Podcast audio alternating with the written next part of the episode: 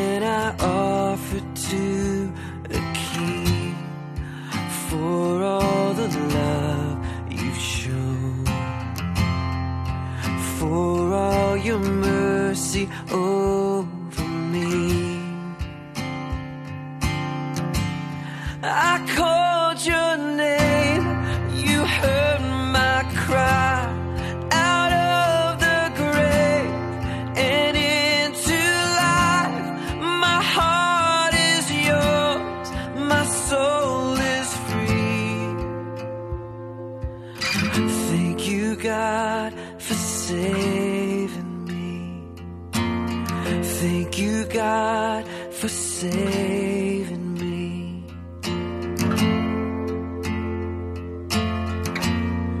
The rock of salvation. My hope is built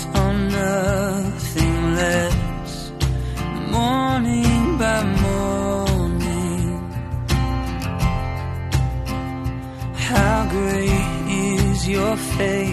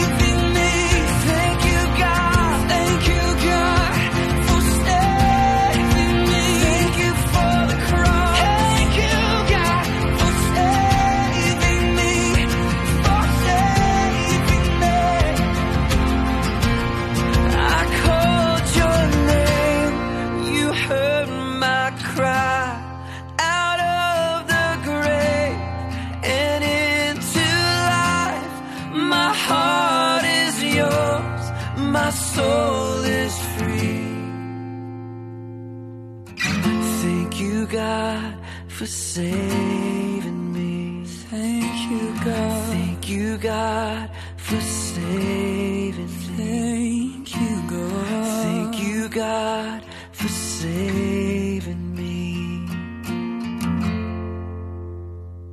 Goeiemôre, ek is baie bly om vanoggend weer saam na die Here se woord te luister. Ek lees vanoggend vir ons saam uit Matteus 26 vers 36 tot 46. Kom ons lees dit saam. Toe kom Jesus met sy disippels in 'n plek met die naam van Getsemane en hy sê vir die disippels: "Sit hier terwyl ek daar gaan bid."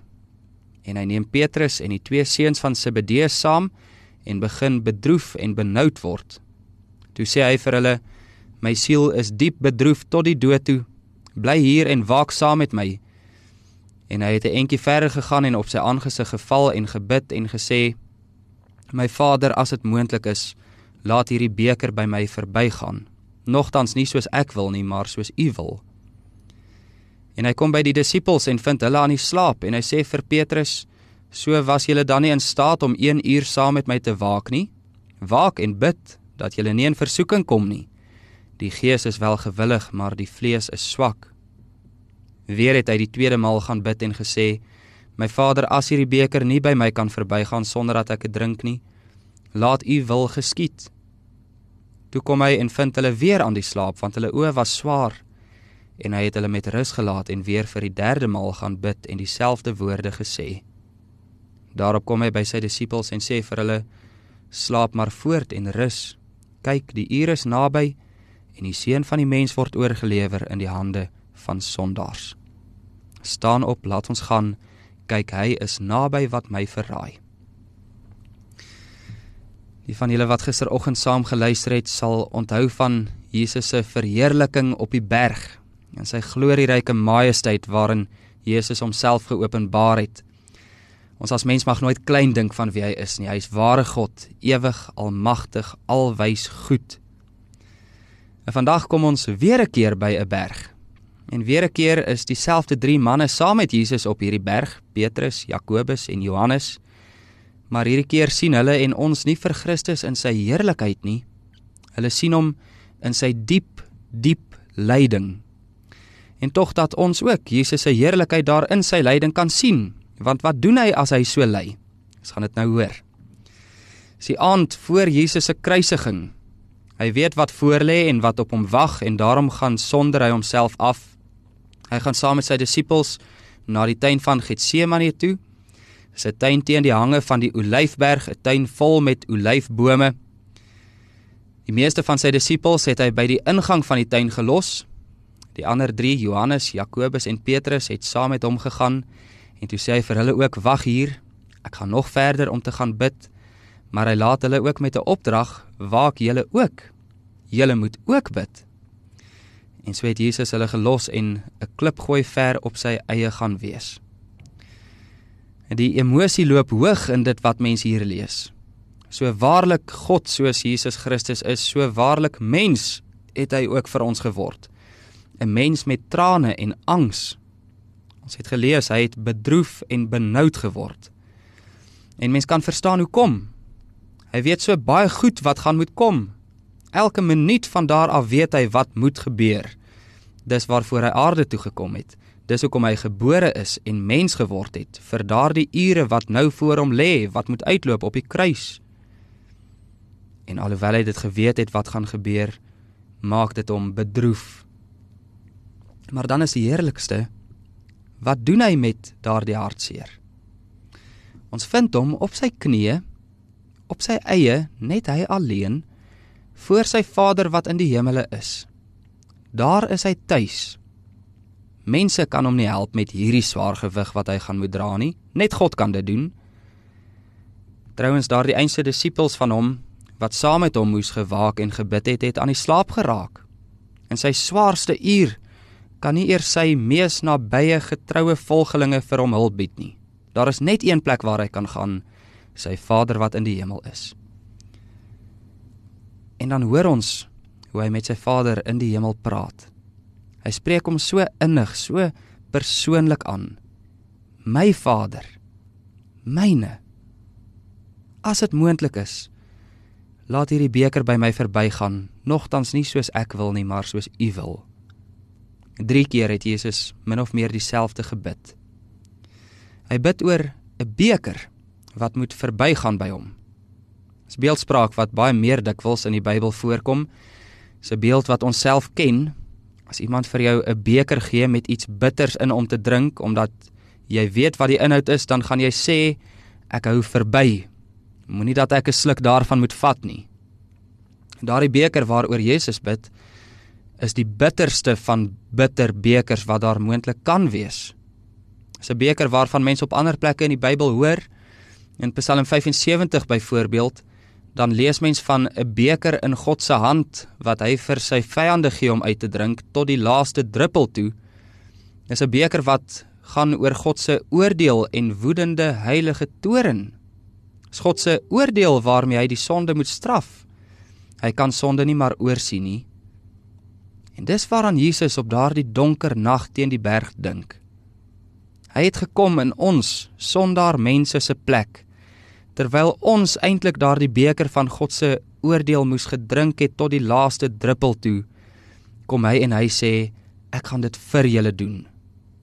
Ek gaan daardie beker uit julle hande uithaal en ek gaan dit drink dat daar niks van vir julle oorbly nie. Maar om dit te doen is die swaarste, swaarste pyn en lyding wat jy ooit moet deurgaan. Jesus het geweet wat hou dit in. Hy het geweet daar gaan 'n punt kom wat alles alles pik donker raak. 'n Oomblik dat sy eie Vader, tot wie hy op daardie oomblik bid, sy aangesig van hom gaan wegdraai om ons sondes aan hom te straf. Daar bestaan nie 'n erger gedagte as dit om te dink God moet vir 'n oomblik sy vriendelike gesig wegdraai van jou af nie. Niks is erger nie. En Jesus het geweet dis die prys wat hy gaan moet betaal om ons sondaar mense te red. Dis wat agter sy benoudheid lê. En daarom vra hy my Vader as U wil, laat die beker by my verbygaan. Nou hiermee sê Jesus nie hy het tweede gedagtes oor dit waarvoor hy gekom het nie. Hy sê eerder is daar geen ander weg nie. Is daar geen ander manier nie. Maar hy stop nie daar nie. Hy gaan nog verder om te sê nogtans nie soos ek wil nie, maar soos U wil. Hy sê dus hy wil geen iets eerder hê as dit wat sy Vader wil nie, want sy wil en sy Vader se wil is een. En as dit die enigste weg is om ons as kinders te verlos, dan doen hy dit. Hy sal dit betaal, swaar soos dit is. Wil hy die diep donker lyding aan die kruis deurmaak ter wille van ons. Dis 'n wonder, hy kan nie net nie. Hy wil ook. Hy wil ons verlos, gee nie om wat nie en daarom dat hy selfs dit gaan doen het.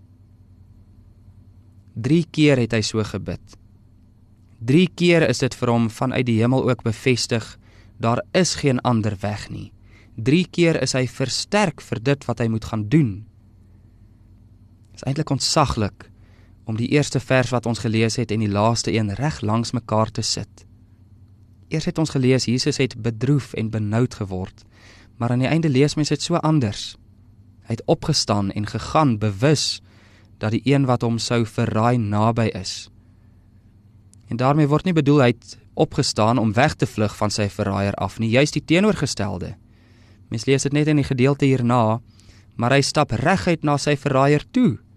Hy stap reguit kruis toe. Dis wonder eintlik hoe kan dit wees? Die een oomblik bedroef en benoud, die volgende oomblik regop en kragtig op pad na die diepste hartseer. Nou al dit kan gebeur is deur die krag wat sy Vader in die hemel aan hom gegee het. Die Here gee krag vir hom om te doen wat hy moet doen en dan doen hy dit. Dit is in dit wat ons hier van Jesus hoor en ons eie lewens is 'n besonderse verband. Jesus se lyding en benoudheid het alles met ons benoudhede waarvan daar in ons lewe so baie is te doen.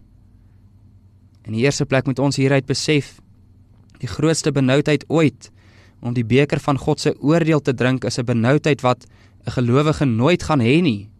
Jy kan dalk oor baie dinge benoud wees, maar dit wat Jesus deurgemaak het, gaan jy nooit hoef deur te maak as jy in hom glo nie. Nooit dat die Here sy gesig van jou af gaan wegdraai nie. En die tweede is Jesus wys ook vir ons hoe ons deur benoudhede mag gaan. Hy het sy benoudheid nie geïgnoreer soos ons soms so goed is om te doen nie. Hy het ook nie sy benoudheid buite proporsie opgeblaas soos ons ook dikwels doen nie. Nee, hy het sy benoudheid erken en hy het daarmee gevlug na sy Vader toe. Daar is hy versterk, daar het hy krag gekry wat vir dit wat voor hom lê. En omdat hy dit gedoen het, hoe nie ook ons nie. Hoe sal ons nie ook ons benoudheid voor die Here uitstort as hy vir ons sê ek is ook vir jou 'n Vader nie. Vlug na die Here toe. Deur Christus en vir deur dit wat hy vir ons gedoen het. Hy is getrou. En kom ons word ook nou so stil en kom ons bid ook. Ons Vader in die hemel, dankie dat U U seun vir ons gestuur het en dat hy gewillig was om die beker te drink wat eintlik deur ons opgedrink moes word. Dankie vir verlossing deur sy bloed en dankie dat ons na U mag vlug in benoudheid. En hou ons tog by U vas, o Here. Beskerm ons dat ons ook mag opstaan en doen wat voor ons te doen staan. Ons vra dit alles in U naam. Amen.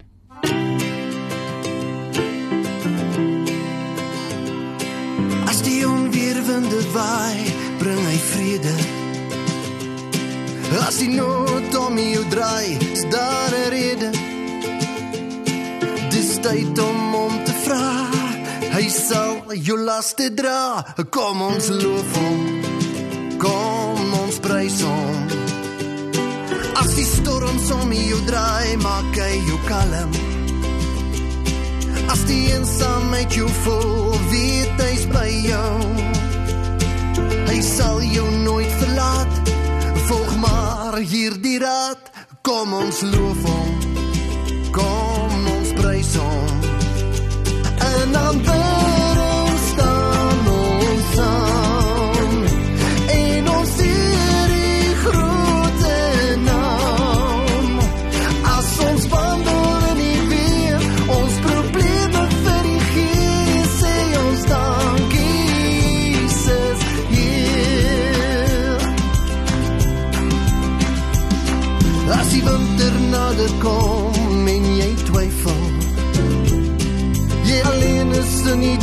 donker en jy struikel. Hou vas aan die woord, in geloof gaan ons voort. Kom ons loof hom, kom ons prys hom.